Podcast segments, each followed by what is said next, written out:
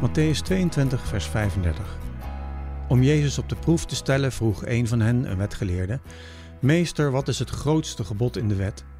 En hij antwoordde, heb de Heer uw God lief met heel uw hart en met heel uw ziel en met heel uw verstand.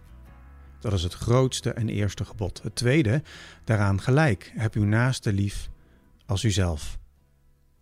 De vorige keer hebben we al even gezien dat deze tekst niet is te lezen als een opdracht tot zelfliefde. Soms denken we dat. Jezus gaat er echter vanuit dat je jezelf lief hebt. En dat moet dan de basis zijn voor het liefhebben van de ander. Maar dan blijft er nog een vraag openstaan of je dan wel van jezelf mag of moet houden. Je kan de nadruk leggen op teksten van Jezus die zeggen dat je jezelf moet wegcijferen, of Paulus die schrijft dat je de ander belangrijker moet vinden dan jezelf. Er zijn genoeg redenen om zelfliefde een beetje op een laag pitje te zetten. Toch?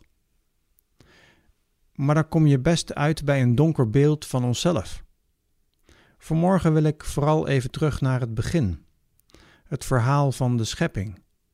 God heeft de mens gemaakt en zag dat het zeer goed was. Als een schilder die ingespannen heeft zitten werken met verf en dan een stapje achteruit doet en zegt: Ah, prachtig. Het mooiste compliment is dat we prachtig zijn.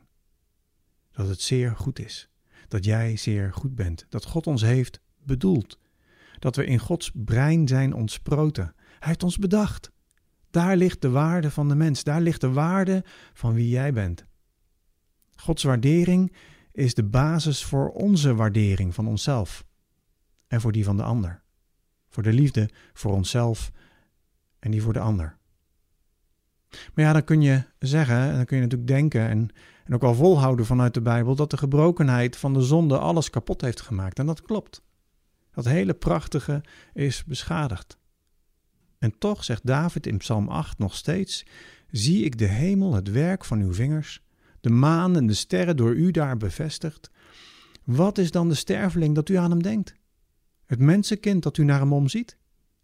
U hebt hem bijna een God gemaakt hem gekroond met glans en glorie, hem toevertrouwd het werk van uw handen en alles aan zijn voeten gelegd.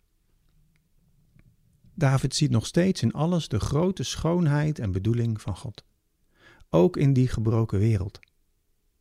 En is God dan opgehouden je waardevol te vinden? In Johannes 3, vers 16 lezen we: Zo lief heeft God de wereld gehad, dat Hij zijn enige zoon heeft gegeven, opdat een ieder die in Hem gelooft niet verloren gaat. Prachtig toch? God heeft die gebroken wereld lief. Hij heeft die geraakte en gekraakte mensen door de zonde lief. Hij heeft jou en mij lief. En ik vind dat ontroerend prachtig. Onze waarde zit niet in wat we doen, wat we hebben of wat we weten. Je waarde zit in hoe God naar je kijkt. En hij kijkt in liefde naar je door Christus. En zo mag ik ook mezelf zien. Zo mag ik ook zorgen voor mezelf. Ik ben kostbaar. Ik ben het waard om voor te zorgen. Mijn leven is belangrijk. Maar juist omdat mijn naaste ook geliefd is door God, mag ik van die handen houden zoals van mezelf. De tekst is daarmee niet opdracht om jezelf lief te hebben, maar zet misschien eerder grenzen aan de liefde voor jezelf.